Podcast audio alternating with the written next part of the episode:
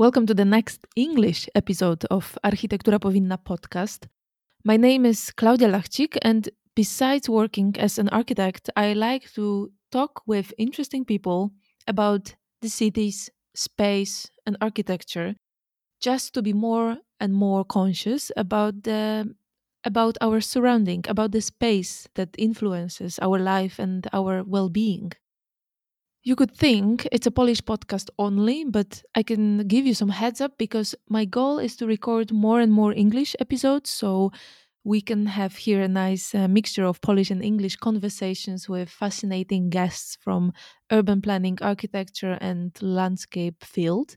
If you like this idea, then don't hesitate to, to follow the podcast on Spotify and or Apple Podcast. Uh, you can rate the podcast on these platforms, which helps me a lot. But today we are going to talk about heritage and how we deal with it. I think we can all admit, well, we should at least, that old buildings physically link us to our past and become a part of our cultural heritage, which seems pretty logical that we should preserve something that has a, such a great value that is part of our identity. But usually when we talk about heritage, it means that the building has a historical and cultural importance, a value. But what does it mean precisely? What kind of value does it bring? Why can we still transform or partially demolish some of the important monuments that are obviously part of heritage? Well, to answer these questions and more questions, I asked Karianne van den Broeke, my today guest. Um, she is an architect specialized in heritage. She's a restoration architect, a heritage specialist at the Dutch office Rijnboutt. She's an author of the Dutch language book titled Mag dit weg? Can this go away? She's a board member at the Heritage Academy and uh, had been teaching the heritage and design at TU Delft in the Netherlands. She completed her studies in Leuven in Belgium and soon we'll hear a bit more we will hear a bit more about that and following education as well. We talk about why Karianne became a restoration architect in the first place and how shall we even call these mysterious people who are magically judging that uh, what can be demolished and what should be preserved how do we judge these uh, values in architecture? How do designers show in their transformations what is old, what is new, and what type of interventions do we have? Is it a very judgmental profession? It, it feels so, at least. I mean, how much objectivism and subjectivism is there? The interesting question always how young can the monument be? What is authenticity and how does it differ per country or per culture does this meaning change? We will talk a bit about dutch approach towards heritage. For example do you think that dutch that we preserve too much? Are we too preventive and protective? What are the consequences of such approach? When we talk about repurposing of existing structure and converting a building into a new function. We talk then about adaptive reuse. I read somewhere that, that's the quote, adaptive reuse is a conscious decision to preserve the past while planning for the future. Super smart. But it's not only about this dreamy idea. It's not only a sentimental effort to save a building, but it's also definitely a critical process to ensure that the part is that is considered to be demolished really needs to be demolished, especially when the existing structure is valuable. It's a very interesting topic because adaptive reuse in the Netherlands increased a lot in recent years. There is a big demographic development which makes people move to the cities. There is a growing pressure on space. Therefore, it's definitely the topic that we should talk about to be more and more conscious about our fast changing surroundings. Adaptive reuse is also super in line with a global need for sustainability. Plus, there is an uh, extra quality, uh, the identity that was mentioned already, the identity that comes with the history. Amazing. There is a given story behind the building, inside the walls, that ensure this connection with the user. Therefore, dear listeners, let's listen to a conversation with Karianne van den Broeke. Yeah, before we start with the explanation of uh, all of the terminology and dive deeper into the uh, subject, I'm very curious about your personal story. How did you become the restoration architect? Is it a right name already? The first yeah. question, and a bit personal story. Yeah, yeah, yeah. My background. Well, yeah. um, when I studied architecture in Leuven, I studied architecture because I am Belgian, so I went to Belgium to Leuven to study. Uh, I was always more interested in architectural history.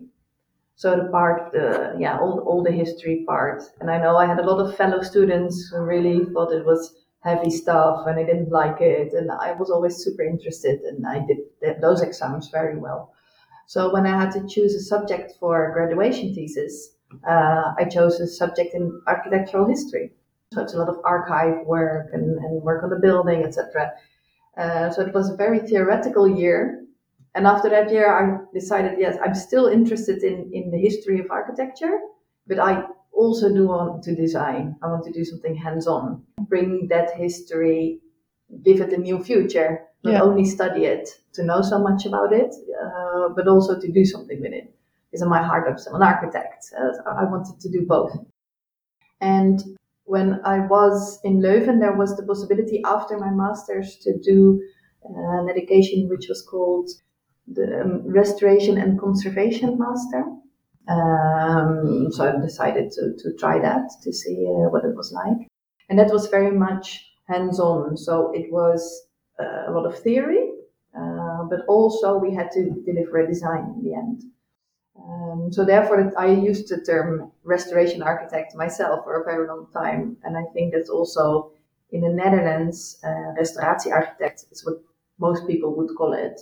Mm-hmm. So that's a proper. That's yeah, a proper. Name. But now more and more, uh, I'm talking about heritage. I would call myself a heritage specialist because, in a way, when you say restoration, it sounds a bit old-fashioned. Like if you're only working with like stuffy buildings decades ago, or maybe it's closer to reconstruction rather than yes yes. Also is. placing a new design. Exactly. About the transformation. Uh, it's mm-hmm. not there. Also i know that in the municipalities people uh, speak about heritage that they are the heritage uh, counselor. So i use the word heritage a lot. And then just a couple of months ago, my boyfriend said, Why do you always use this word heritage? Because it sounds so academic. You're very far from me when you say you work with heritage. I like when you say I work with monuments. So I was still a little bit confused oh, about it. Yeah. Yes. Again, the terminology. Then w- what yes. is the difference? Yeah. So the restoration architect, it, it sounds to me as a professional like I'm only working with old buildings, but maybe for most people it's very clear. It's better terminology than using word heritage, which is has to do with yeah, academic discussion on a very high level. Um, yeah, but then when I was doing this master's, this postmasters, um, I saw a building which ex- inspired me a lot, and it was Fort Napoleon, a fort on the Belgian coast, and it had been transformed into let's say a museum, but not really, because it was just itself, it was the building, and you could walk around with an audio tour. So it's not that there was things inside, but through the audio tour you heard the story of the building. And there was one intervention, there was a glass box, really big glass box, placed on one side where the restaurant was, and it really cut through the building. So it was quite intrusive uh, yeah. intervention because yeah. it makes a big cut. But because of this glass box, when you were standing inside the box, it made this cut, it made this section of the building. So you could really see there was a high wall, there was a big moat, then there was the core of the fortress. So you could understand the fortress when you stood in a glass box. And it's intervention that makes people understand the history without the audio tour. You could just see the history in front of you. You could see the meaning of the fortress, of the wall, of the moat, of the core. It was just there in front of you. And that inspired me very much. That's the kind of architect I want to be. Is by my intervention, uh, make people understand the meaning of the buildings, of the architecture, of the history. Um, even people who do not study for that, who Yeah. do not know about architecture or history, they will just see the value and understand it. That's very interesting that by this kind of intervention, you somehow protect the building because you deliver forward the the lesson, the history, the story of this building, but the intervention itself, one might say it's quite radical, it's quite Yeah. aggressive because you literally have to destroy some parts of the building, Yeah. of the existing Mm-hmm. maybe valuable tissue, but it's always this main question how far you can go in order to deliver even bigger value Yes. right but to the to the questions Mhm. uh, about the heritage and the interventions i feel like we're gonna reach this point in the conversation Later. at one point anyway because you mentioned um, when we talked about the, the topic of the and the, and the yeah, questions sort of about this podcast about our conversation you mentioned that it's really difficult to explain what does it mean for example preservation rehabilitation reconstruction. Why there is a problem why there is no clear definition? I imagine it's not maybe in english there is a definition maybe in dutch uh, in polish would be a definition but there is a problem with the translation then There is a problem with the translation that in different languages uh, the words have a different, not really meaning, but a different weight in a way. So that is one problem. And secondly, well, you have to go back. For me, in the field of heritage, terminology is very important to use the right words, to use them the right way, blah, blah, blah. But people are talking endlessly, def- trying to define those terms very exactly. So mm-hmm. every convention on heritage, every charter, every symposium starts with redefining the words. so in the end, we're only talking about the meaning of the words instead of using them and talking about yeah the matter at hand. Therefore, I try to take a bit distance from all this terminology because you can talk about this endlessly, but in the end, it's more important what you do. so the intervention itself Yes. that is really depending on the context and the the word itself will be explained by the intervention and the design Shall we call it a renovation, or shall we call it a transformation, or shall we call it call it call it um, conservation? Who cares? yeah i even found rehabilitation about the heritage i have no idea what does it mean yes, there's so many words. A large part of it, it's because it gets lost. It gets lost in translation. Yeah. Uh, but for me, in my daily work, I do try to be myself, to be precise in terminology.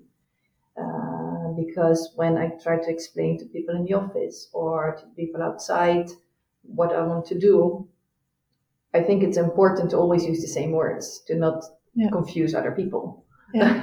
if one day I talk about restoration and the other day I talk about renovation, they might think I mean something different. So I do try to be clear in that. yeah And for me, for example, restoration is actually repairing damage. Okay, every building, every material deteriorates with age. And some materials will have an age of 20 years and need to be, um, how do you say that, uh, need to be repaired, and other materials will live for 200 years. But every material has a lifespan. Uh, so at a certain point, you need to repair it. And then you can just simply repair it, like you and I would do it. We just go to the uh, to the shop and, and find some wood and find some glue and we will repair things ourselves. That's not restoration. That's just simple repair. Imitation, or or that's it's just repair. but then, if you ask somebody has really craftsmanship, who knows the types of wood, who knows the historical way of, of gluing, who knows the historical way of how things are constructed, and really does it in such a way that you don't see a difference. And not only that you don't see a difference, but that really there is no difference, then you call it restoration. Mm-hmm. Because it's the craftsmanship and the knowledge combined that make, makes the repairment as if it were original. All right, but what what if we have the situation that this piece is repaired with the form how it was, but differs in the material and the texture in order to show that it's th- that we don't fake, that we don't imitate the history. Mm-hmm. Is it mm-hmm. still a restoration? Very strictly, it's not. Very strictly, it's. What is it then? yeah, it's an imitation. Imitate, okay. Or a renovation. Yeah. Because you renew it. Um, so the people are very pure at heart in this terminology would say, no, it's not restoration. There is indeed this idea that you have always have to be honest with your public, that you have to show what is new and what is old. But in my reading of restoration, repairing it with the same craftsmanship uh, in a way that's invisible, uh, that's something you always have to do because material has a lifespan when you do a transformation, so when you transform it to a new function uh, or you add something, well, transformation mostly is about changing the program, changing the function. Then you mm-hmm. transform it to something new. There, for me, is a discussion: should you show what's old and what's new? Mm-hmm. You have the old building, but you add a new layer, a new layer of use.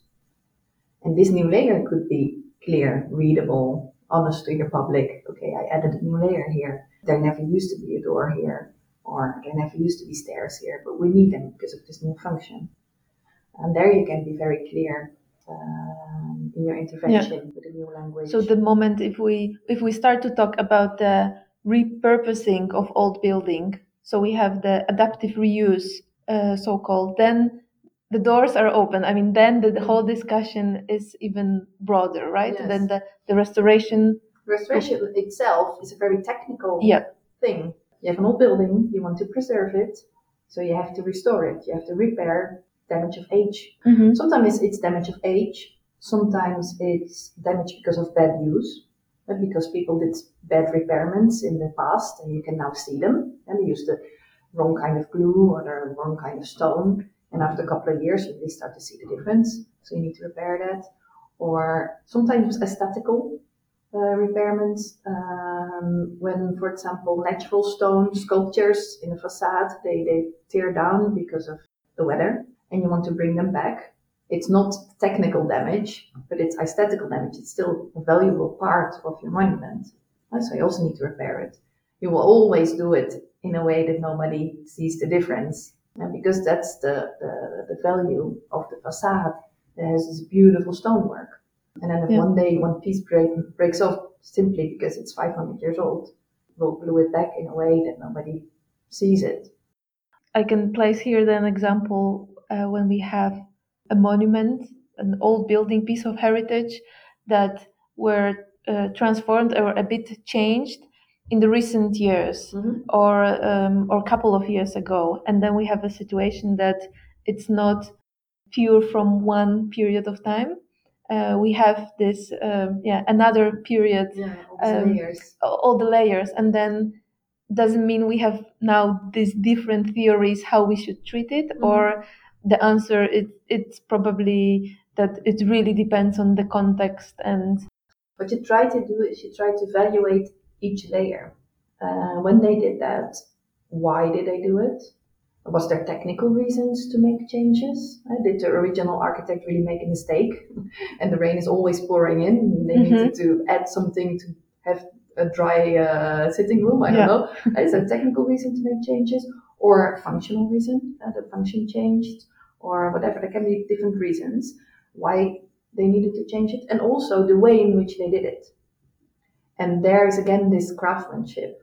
If they just, without looking at the building, added some walls or some holes to make new doors and, and windows without any taste, any craftsmanship, any consideration for the original monument, Mhm. then okay, I also don't have to have consideration for their work. But if they did it very precise, if they, they studied the project, they studied the monument, and they were very uh, considerate and uh, in their approach, then the result is more valuable because it, it, it takes into account the history and the values of the existing building. So it adds a valuable layer. And all those valuable layers you can take into account as well because Yeah. they tell the story about how things changed over time with this building, how people thought differently about architecture.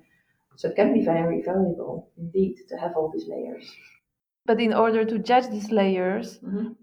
there is a bit of subjectivism that Yes. it's in there, right? Absolutely. Like, can you say how much objectivism and subjectivism is in the yeah judging this? I think these values- always subjective. Always. Always. Always. Uh, it depends on so many things. The most famous example, there are two actually, two famous examples. One is, I think we all know it, that in the Romanesque churches, so the medieval churches that were in white stone, there were a lot of colorful paintings. And in the 19th century and early 20th century, people thought that uh, it was silly to have colored paintings inside a church. So they took away all the color. Mhm. And afterwards, they discovered that actually they were original. So it's just a matter of not having the right knowledge. And they did not know enough about history to be able to judge the colored paintings. So in many churches, these beautiful colors have disappeared. And now when we see churches, we, we think they should be white or gray or whatever, Mhm. uh, just Yeah. natural stone. But actually, most medieval churches were colorful inside. Right now, we don't don't- have this uh, we connection. We, no. we we don't think about the yeah no, no, colorful palette. it yeah. anymore. But that was just a mistake in history, a mistake in knowledge. And another one is also about color, actually. Maybe it's the same time. The 19, late 19th century interiors were very colorful, very playful. Well, at least in the Netherlands, it was because actually economically the country was not doing very well from the late 18th till the, the early 19th century. So they could not build very much. And what they did is they they only re- the rooms and they have crazy color combinations like they had uh, pink with yellow the, the, the orange and green that maybe now think is from the 70s but it was already then they had all these different colors they had very colorful painted ceilings um, draperies inside and it was just to to make their house nice again because they couldn't afford to build a new house so Yeah. the interiors were redecorated in a very fancy way. And these nine, especially 19th century interiors, are demolished, many of them, because in the 20th century, people thought it was just frivolous, it was just idiotic to have, uh, because it was done in 18th century buildings. In the Mhm. 19th century, they were rede- redecorated. So in the 20th century, it's, oh no, we have to go back to the 18th century where everything was still styleful and, and you know, charming and it was still nice. And all this madness of the 19th century, we just have to take it out. Uh, so many interiors were lost. And now, at the end of the 20th century, beginning of the 21st, we, uh, we're really sorry. Yeah, we are realizing that We're realizing it's, it's a layer in history. Yeah, that's uh, that's something that uh, currently, for example, in in Polish heritage, there is a big discussion about the indeed 90s years and the monuments or not yet monuments, what to do with them because the the style of um, yeah postmodernism, very Mhm. colorful materials like pastel colors, uh, not very expensive materials because of the 90s uh, or 80s yeah, there is a huge spatial pressure on these buildings. There are not monuments in many cases, and uh, there is a big threat of these monuments that are to be discovered in probably in few years. But that's a big danger that Yes. the, the danger that uh, countries and societies are facing because there is always this question then how young the, the monument can be. It's, it's always easy to say about ancient times. It's Mhm. very clear about yeah hundreds of years ago. But what about this newest Yeah. heritage Yes. That that that we still have and Mhm. and they are quite close to to be demolished? How how young the monument can be? Can Is be, there a limit? well, I do think you do need some distance to be able to judge in time, distance in time. I cannot imagine the new building no, is is being a monument. yes. Some architects say that about themselves. well, but that's ego. but I think to really see, because it's about architect, aesthetical, uh, is it a beautiful building or not? But it's only one part. You only need to also need to know is does it function well? Do the people like it? Uh, how is it used? Uh, but also the materials. Mhm. Uh, are they are they used in the right way? And did all the detail detailing work well, etc., etc. So it's uh, how does it relate to the city? Mhm. There's so much to, to, that you can only appreciate sometime after it was built. Yes, yes. The people are more connected with the building. There is a story behind it. It Yes. survived maybe some events, some yes, yes. sometime, So but- I think there's like this. I think there's 50 years. I'm not sure. But in the Netherlands, it used to be 50. 50 Yes. years. That's Yes. okay. Younger cannot be in the. Cannot be now. the Now they are making uh, younger and younger monuments, but it used to be some rule that it need to be 50 years because then the people immediately evolved are not there. It will certainly be different in generation to uh, to judge. What is difficult about young monuments is well, the, the materials are different. Indeed, it's cheaper materials because we started to live differently after the industrial revolution. It's uh, the, the materials themselves become cheaper, they become more flimsy, they, they become less valuable, the material itself, because it can just be produced and produced and produced. You know, there's hundreds of that, there's thousands of that, the same. Yeah. And also, labor became very expensive. So the craftsmanship got lost. And there's less craftsmanship. Everything needs to be f- uh, fast and easy to fix and, Yeah. and easy to make. Easy to assemble. Yeah. Yes, yes.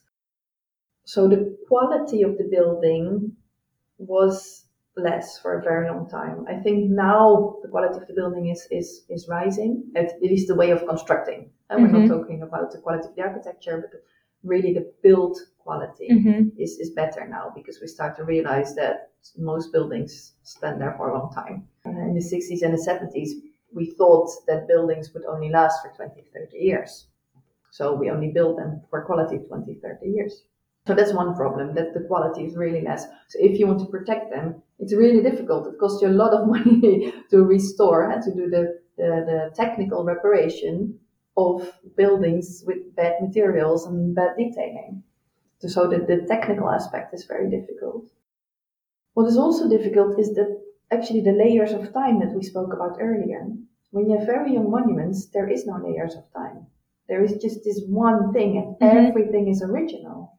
So everything you touch, you touch the original building, the original material, the Yeah. original work of the architect, the original expression. There is no gray zone in which you as an architect can move, which very old ancient buildings, they have so many layers, and there's always one layer that has really no value at all that you can just take out, and there there is some space, there's some gray, gray area, and if you add your own layer, it's just another layer, and somebody else, the next architect in 40 years, can decide to either take it out or work with it. So old monuments in that way are easier to work with. Yeah, it's easier. It's way easier to judge when you have this the, the the time that passed, and then immediately it gains points in the couple of values, right? Yes, yes. In the rareness, like Yeah.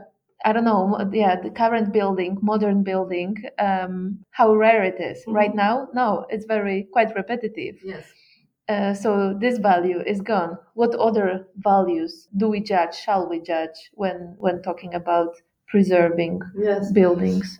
So there's two main values, and that's if it was the first, the first time we did, for example, in, in Nagelen, it is a small town in, in the Netherlands in, in Flevoland, there was a new idea of living.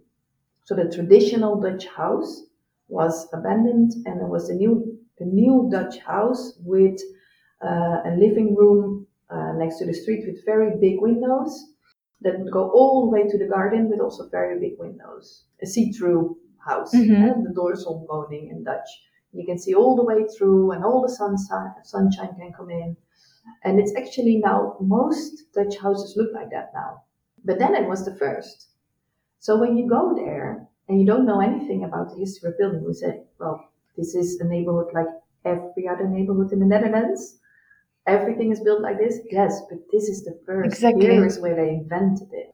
So therefore, you need to preserve it, even if you don't like the topology, even if it's an ugly house, whatever. Doesn't matter. The story matters, and the fact that yeah, Yes. it was first. So that's one uh, when it's the first, when there the idea was born, or when it's a very good example of the ordinary, something that was repeated a thousand times, but this is the best example. Then yeah, let's save it. Then a lot of uh, yeah row houses in the Netherlands have a chance to be preserved as a, Yes, just as a one, good not all of them. But just Yeah. okay, let's save this one, and then all the others can go. But we have this one example yeah. from the history of architecture. As a restoration architect, what is the most common question that other designers, for example, ask you? To me, Can we destroy it? yes, can we destroy it? Yes. can I make a hole? Can I destroy it? Like even today, I had a question of a colleague who said, "Yeah, we want to make some holes in that wall. It's all part of the monument, is it?" I'm like, no, everything is always part of the monument. That particular wall might not carry value, and so you need to decide what are the core values. Why do we preserve this specific monument? Mhm. And then you can judge, okay, that specific wall, does it carry those values? So your your answer is never yes or no. No. Uh, I always ask all the questions back. So you Yeah. have to judge for yourself. Yeah. This wall is valuable for your core values.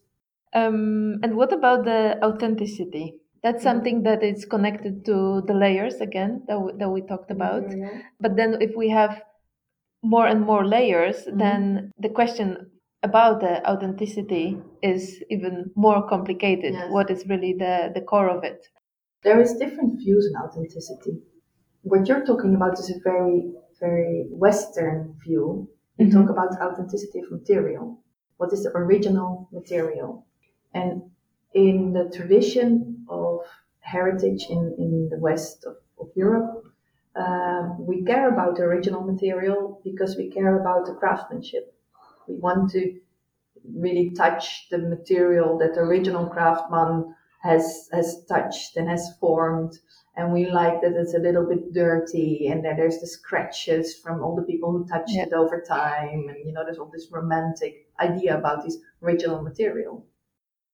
But in other parts of the world and especially the asia in, in, in asia authenticity is more about the sense of place so they say a, a temple for example, because it's a wood structure, it needs to be rebuilt every 40 years, maybe, because the wood deteriorates in, in a tropical climate.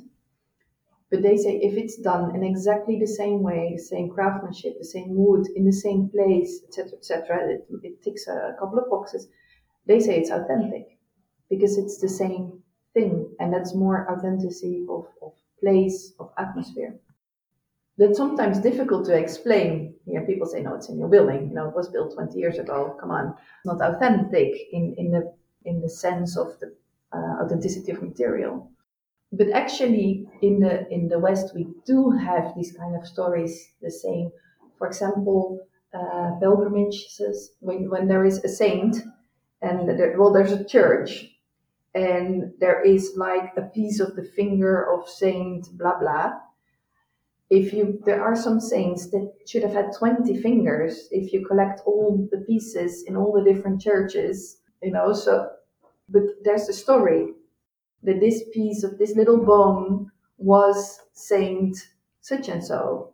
So people go there and people pray and it's authentic for them it's authentic for them it's real. And they don't care whether eh, if, if i tell the scientific fact that if you collect all the bones in the world that this person would have had like four hands. Uh, it doesn't matter. It doesn't matter. It's about the belief, and it's about indeed, the belief, the, it's about the story. It's about the sense. And in that moment, in that time, it's true. to to understand it even better, it's the story about the reconstruction of the Warsaw Old Town. That, Right. of course, a lot of people might say that it's fake. It was just rebuilt after the Warsaw Uprising, after Second World War. Mhm. It, it, it now it's just fake. It's not uh, really from before the war, but it can be considered as pretty authentic because it was also just the natural movement of the society that Mhm. they even before the, the, the project before the design they just rushed there to rebuild it themselves because it was the atmosphere that was missing it was like the fundaments of the of the city that was Mhm. missing hence the the fundaments of their own stability And I think a very important point in that story is that it was the people themselves that they needed their history to be there. yeah And whether it was the real history, the proper stone, doesn't even matter. The, the, the prospect, the, the, the presence of their identity, especially after big events like a war, you, Mhm. you need to know where do I live, where do I come from, what is my identity. You need to rebuild. yeah that the story continues. The story needs to continue because that's i guess that's also one of the very important points of protecting the the heritage but at the same time also transform it. From your perspective do you think that uh, transforming and adaptive reuse in the netherlands is quite i don't want to use the word aggressive but Invasive. yes in, in terms of european adaptive Mhm. reuse Well, it depends. Some countries are on the front. For example, in, in Catalonia, there's al- they're also quite progressive in a way, but maybe that's just my personal opinion. In the older countries, they are more preservative, like Italy, France, some parts of Germany. They're very conservative. Yeah. They're really preserving as it was, and it's very difficult to change, etc., etc. In the Netherlands, it's the opposite. Like every architect needs to add a new layer. And if somebody, if you have a project and, and somebody says, oh, you can't even really see what changed, then people feel um, uh, that they that they failed. Mhm. And they say, oh no, you cannot see my intervention. well, actually, it could also be a compliment. Like the intervention was Exactly. so successful, then it's a natural uh, adaptation. it doesn't need to be always this huge contrast No. right there are some other ways to to interfere with the with the heritage Yes. not necessarily with the huge change Yes, dramatic I, change I think a lot of architects in the Netherlands, up till recently, they thought that making a contrast was the only possible way to deal with heritage, because they wanted to have their own signature on the building, of course, and also because, uh, in a way, it's an easy way to deal with heritage. You don't have to have an opinion about the heritage. yeah You just place some alien inside, uh, and that's your new layer. And then you say, well, at least it's clear now what's old and what's new. But it's not always the most successful intervention because the new part then has nothing to do with the old building. So if in 20 years' time, in 40 years' time, they need a new transformation, they will just take it out Mhm. because it has nothing to do, it doesn't add any value. A bit like a port in antwerp by zaha hadid Yes. that's very contrasting Yes. part that was added the Stedelijk Museum in Amsterdam. hmm It's also very easy to name all of these Yes, buildings yeah, because yeah, they are just They're so iconic. recognizable. Yes. they're iconic and they get a lot of attention and, and some of them are some of them are done very well but i don't think they could last as long as a, as a very intelligent. Well a contrast can work. A contrast you need to know that it catches the eye. Uh, when you make a contrast you immediately draw attention to that particular part. It also means you take away the attention from the rest of the building. So if in a very old facade you make you need to make one new door, I would not make a contrast. Because if you make a big contrasting door, then everybody will only look at the door and the whole facade is gone. And if you want to restore a building, you need to restore it as a whole. But a contrast can be nice if you want to guide people. If, for example, the entrance is not very clear, you make a contrasting entrance then because you want people to go there or if people in the building need to go upstairs or you want them to look upstairs because there's a beautiful ceiling and nobody ever looks up You can have a very contrasting lights, for example. So people are uh, surprised, they look at the lights and then they see the beautiful ceiling. So you can use the contrast, but you need to know that it is a tool. Or what are the consequences Yes. out of it? From the other hand, this contrast can actually make people look at the building in general because uh, maybe for you it's obvious that everyone must look at this baroque renaissance facade but maybe that's not that clear Mhm. for every inhabitant Yes. No, like the example that I used the first for the Fort uh, Napoleon in Belgium. Mhm. Yeah, that the, the glass box is a huge contrast, but it makes you understand the building. It makes you look at this section and realize, oh my god, this is a really interesting section. Yeah. Even if you're not an architect, you see it. So it can be useful, but it Mhm. must be used in an intelligent way. okay so then what other interventions do we have We can copy just what is there, make make the same. oh that's also tricky that seems like quite easy but I feel like the architecture world Yeah. can be very judgmental about Yes. because that's very close to imitation, faking. Um, and that also depends what you want to reach. Like if you want to have an extra set of windows, and there were eight windows, you want nine. Do you need to make it modern? Like I say, then all the attention will go to that one window, and you want the attention to go to the entrance or to the whole facade. So if you make another window, why not just copy the rest and make a balanced and, mm-hmm. and, and quiet intervention so that the attention stays in the whole facade. Or if you need to add a little fence on the side, do you want a modern contrasting fence or are you going to just take one of the fences that are there? And, and it- when it's Yeah. a small adjustment it Yeah. doesn't need any attention at all. It doesn't need to scream. Yeah. Yeah, exactly. And then you can try to to make contact. Like it's a bit of a contrast, but it's that your intervention. It's different when you stand up close. You see, okay, there's an intervention. This is new material. But when you're from far away, you would not necessarily see it. It feels like a bit more complicated and challenging uh, Yes. job for the designers to do. Yes, because you need to find that balance. Mhm. That from far away it looks natural, but up close it's different. Where is that? Is it in the depth? Is it in the material? Is it in the detail? Uh, is it in the color? Mhm. Oh, what what element are you going to change to not make it a copy, to make it something new, but still be part of the whole? Sometimes it can also be something totally different. In Amsterdam, what uh, happens a lot if the people add an extra floor, an extra etage on top of a building. And there, of course, you cannot just copy the, the facade because then it loses proportion. If you Mhm. would just add another layer, in, in, that is exactly the same. It looks funny. So you need to add a layer with new architecture. And you can do that as a contrast. You can make a screaming facade. But then, like I said, the attention of the, of the old facade will be lost. So you do want the extra layer to be different, but you also don't want it to have all the attention. It needs to be natural. It needs that it, the passerby doesn't even look up. So then you can make it look like you can copy. You can make it look like a roof, for example, or you can use a roof-like material. Uh, use some of the rhythm of the existing facade, but not all. Use the size of the same size of the windows, but not Mhm. exactly. Uh, so you can sort of make a connection between the old and the new without copying it. So contact and connection, that's Mhm. the the third option Yes. of the intervention. Well, the connection actually, connection I think is, is even more than con- contact is just they can live together, but they're not family. When you make a connection, it's really family.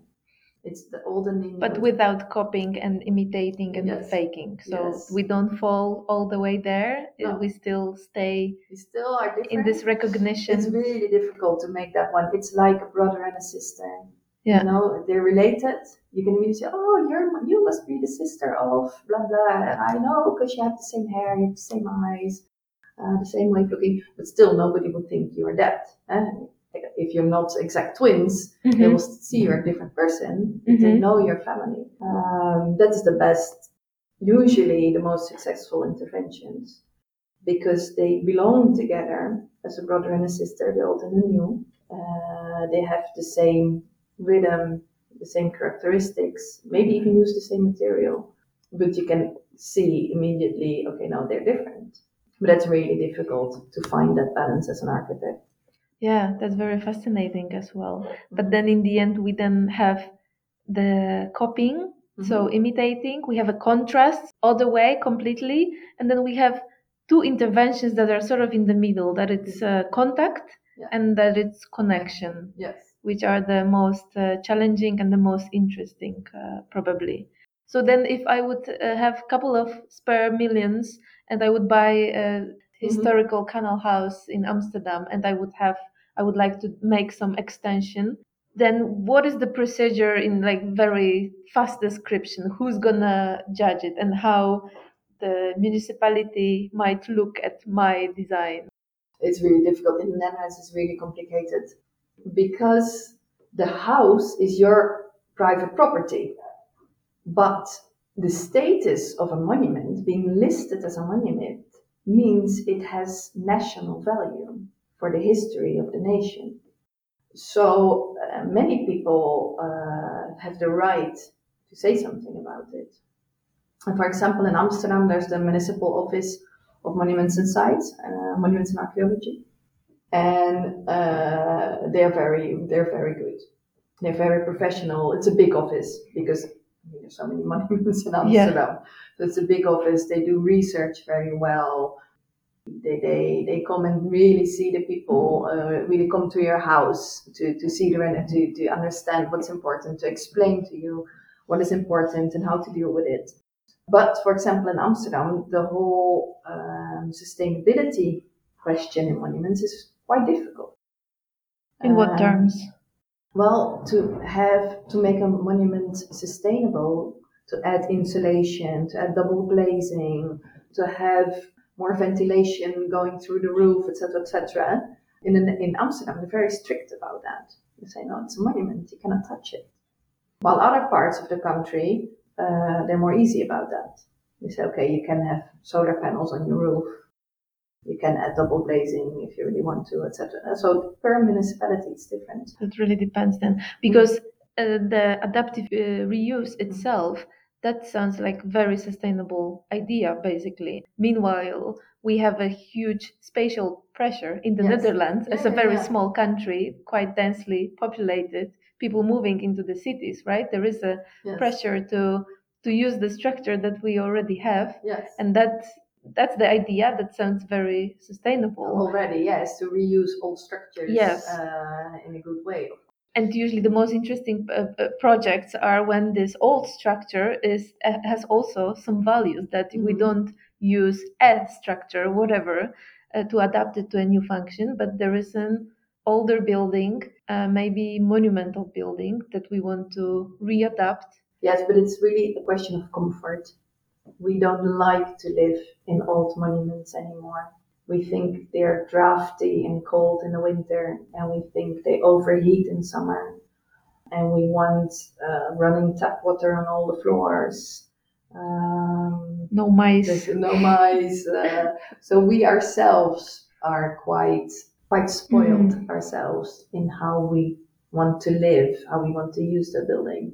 but then uh, does it influence the this progressive approach of dutch inhabitants Yes. then Uh, and the pressure on municipalities of course Yes, because when you want to make a monument like the older way, we're talking about the canal house, the 17th, 18th century. Uh, uh, Yeah, that's probably not much to do with that. No, they're really difficult energetically to make them fit our requirements. Requirement. standards. Mhm. Um, and it's very difficult to adapt them without touching the original structure. At the same time, I've heard that the head of central government monument care once said that there is nothing as changeable as a monument. That's interesting uh, statement from such an institution. Like, how shall Yes. we understand these words that there is nothing as changeable as a monument? I think what they mean that, that they're mostly talking about the old monuments. Um, the fact that they survived is because they could have several functions. If a building is built for really one function only and that function disappears, then you Mhm. only have an empty shell with no use at all. But the monuments that survived, they found a new function. So they were adaptive, they were flexible. That is all fashionable word about we have to have flexible buildings. The old monuments actually are flexible. Otherwise, they would not, not have survived up till now. Like the, the, the big industrial halls that we are changing into creative uh, hotspots, mm-hmm. or the canal houses uh, that were changed into offices, high rank offices. There is uh, the post offices and the um, train stations that are changed to hotels. And they find new uses for these buildings. But then doesn't mean function follows the form. Yes, yes. No, absolutely. You have to adjust your demands. I think what this, this person you, you uh, quoted was talking about is that most monuments which survived for hundreds of years, they turned out to be adaptable. I also think that the adaptive reuse really opens a lot of new doors and perspectives for the designers. Suddenly, a prison that becomes a housing, real estate development, mm-hmm. you have to yeah answer the question how you can adapt the old I don't know cheese warehouse into the housing, right? Yes. Or the, the, the churches into the library or the housing as well. Mm-hmm, mm-hmm. But at the same time, we have hundreds of the requirements that these functions have to meet. And we have the not only technical but also like social or mm-hmm. economic. That's the big challenge for the yes. for the designers. Yeah, I think it, it inspires creativity. When we talk about creativity, we see the architect as an artist who makes this big gesture on a, on a white sheet, but uh, to actually to work with what you have and ha- have that old building meet all the requirements and, and uh, all the new uses, it's a different way of creativity. You have to work within a very tight framework. You have to find all the solutions sometimes the the limitation on the sketching paper mm-hmm. it's actually a yeah additional challenge yes maybe then the restoration architects and the transformation architects they also have the the ego a bit lower and they're yes. more humble because this is the the structure is already given mm-hmm. and the question is yeah what do i do with yes. that? How much the new function of the building matters? Is it really building changing factor of the if we are talking about adaptation and transformation? Well it depends. What i experienced is that in the end functions which resemble original functions they fit best. When you are designing for heritage you're trying to fit the program in the existing building and the end result a good design makes the building shine and the program work wonderfully. So that mm-hmm. nobody will ever question why this match was made between this building and that program. Uh, but it looks like it was designed for this specific purpose. So first of all, you need to know your heritage very well. Mm-hmm. You need to know, okay, what are my core values? Uh, so you can decide indeed which wall can I tear down without losing my core values. Yeah. Where is the gray area that I can work in? you need to know what problems the building has already on beforehand. What are the strong points? Are there some beautiful rooms or very good entrance? What are the weak points of the building? Anyway, regardless of the function, maybe uh, the, the back facade is really uh, ugly or closed down, or because of history there are very few toilets or whatever. And so there is always some strengths and weaknesses of the building, regardless of the function. Then you look at the program I say, okay, this is the program that I want. Does it resemble the original function? Yes or no? And what aspects it does? Mm-hmm. How does it support these core values? Does it match the core values or not? So where does it fit? Where is why is this the best function for this building? Because it needs those beautiful rooms, or because it needs the, this very uh, imposing entrance. But then there will also be parts where it doesn't fit. But what about the question like how accessible the function should be for the others? Because mm-hmm. especially in the part when we are talking about the, the heritage, so definitely the building that has social value, mm-hmm, mm-hmm. then this is a very important decision, I guess, taken by the uh, governmental side, municipality mm-hmm. side, what kind of function is going to be there because maybe the, these monumental building mm-hmm. become mm-hmm. very close if it's yeah. private housing then only the, the these inhabitants these people, yeah. these people are going to experience all of these values that the, the, the building brings the, yeah then the question is how, how accessible yes. is the museum? Because museum is also just for a limited number mm-hmm. of people that that would go. Yes. Well if you go back to the canal house it's actually a very private function. But it was originally private function. If it survived because it became a notary office or a legal office i don't know. It's also very private. So if nowadays somebody would buy it and it will keep it private yeah. it's okay same for, for many other buildings. You don't have to have open it up for the public to preserve it. But then, of course, it's a question then why to preserve it? And why do we need it if nobody can see it? But I think it's also because of the future. If somebody now can afford it to restore it totally, but they say, I want to live in it, well, that's maybe for 10 or 20 years or 30. And yeah. then it will change again. And then at least it's preserved for this period. Plus, maybe for Amsterdam is also very quite understandable that it's not possible to make all the canal houses somehow open and no, accessible. Exactly, no, there exactly. is a I don't know Amsterdam Museum that it is located in four, three, four houses, yes. and you can experience mm-hmm. all uh, all of them. Somehow, this this balance of the private and uh, public or civic ownership has to has to be well worked out in order to to make the transformation uh, in the city. Yeah, in the Netherlands they organized a bit through subsidy. So if you want certain subsidies, and so there's a there's a, a low subsidy just for maintenance. Everybody can get it who owns a monument. But then that there are some specific, quite higher subsidies. If you want to have them, you need to provide a plan of public entrance. Mm-hmm. you can mm-hmm. say, okay, so so many days a year I will open up and I will have guided tours, or one of my rooms will always be museum or whatever. Mm-hmm. And so you, if you have a plan how to open it up, it's easier to get yeah. certain subsidies because that's public money. That's government money, government money. So it's a nice balance then. Yes. Yeah.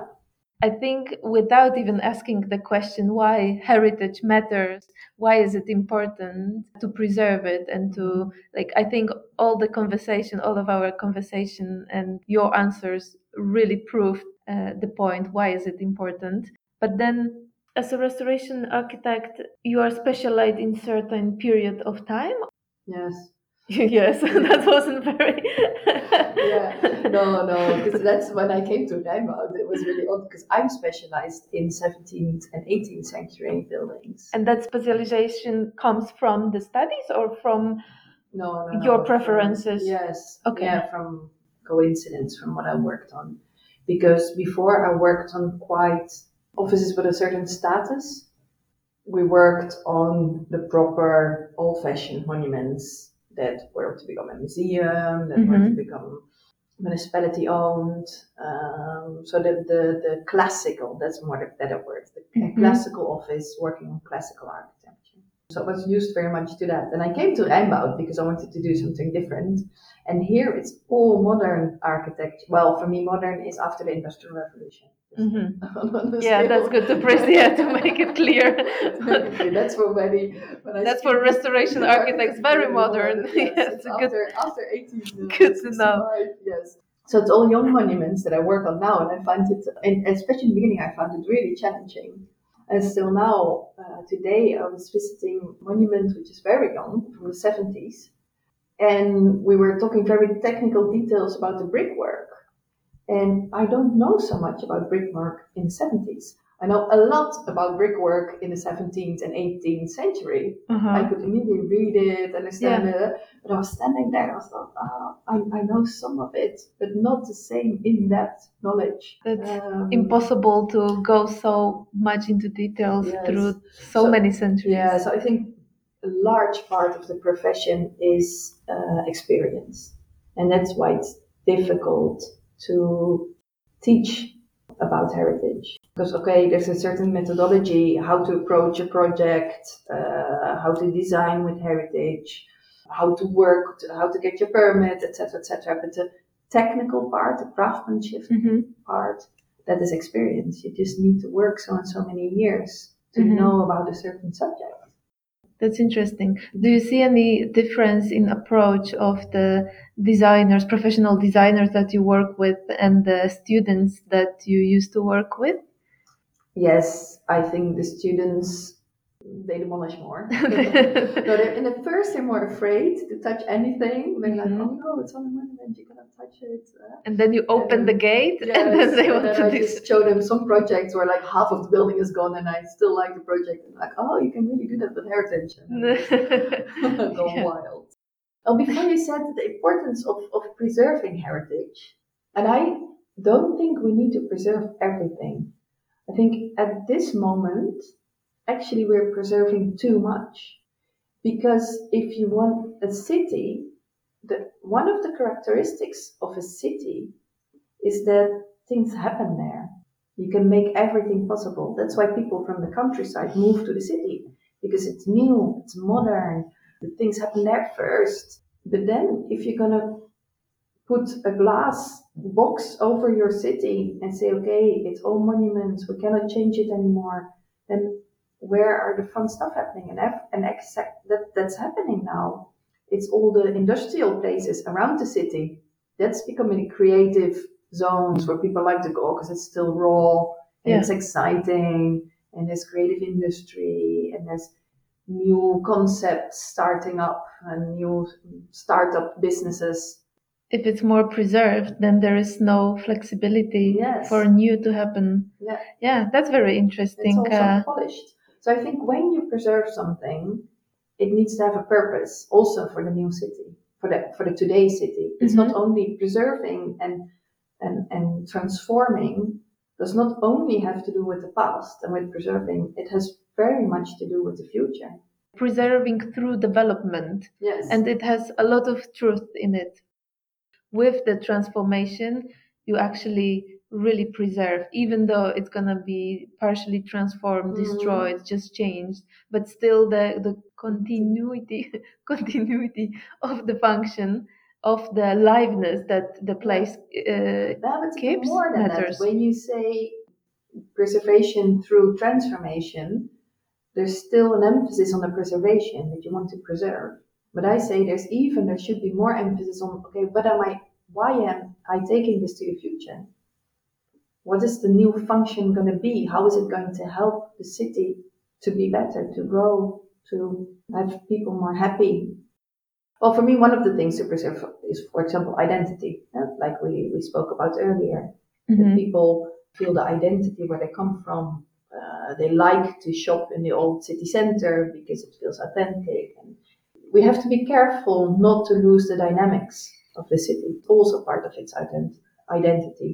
That, that that's also important insight that you are giving that the, the the heritage and the preservation is one might say we might say we might think that it's mostly about the material and the form itself and the building itself but no it might be about the atmosphere and the, the story that, that that the building brings not necessarily the form and the material. Maybe it's an urban plan maybe it's a yeah like broader perspective that needs to be preserved rather than uh, material itself. I guess a very standard answer would be it depends on the context. Yeah, that always works. That always, probably, I can imagine it. It starts with that. Your every answer for architects and, and designers. It really depends. Karianne, thank you very much for the conversation. It was honor, it was a big pleasure, and I hope the listeners also enjoyed it very much. Thank you. Thanks for listening to this episode. I hope you enjoyed it very much. And now the topic of heritage and adaptive reuse is a bit more clear. But what I'm hoping even more for is that you're more interested in the process of dealing with heritage. And now, my dear listeners, I hope the next time you will see a transformation of a building on the street, you will ask yourself and judge truly like, is it a copy? Is it a contrast? Very different addition, a very different modern extension? Is it a contact? There is this uh, mutuality, but it's not the same. Or is it a connection? There's something about family relation. Do you remember? Personally, for sure, I will remember the words of Karianne that the clue of a good intervention is that it makes people understand the building and that it makes people to understand the meaning of the architecture and that is the most beautiful. So let me know what you think about the talk and what are your thoughts about uh, the thoughts on heritage and adaptive reuse.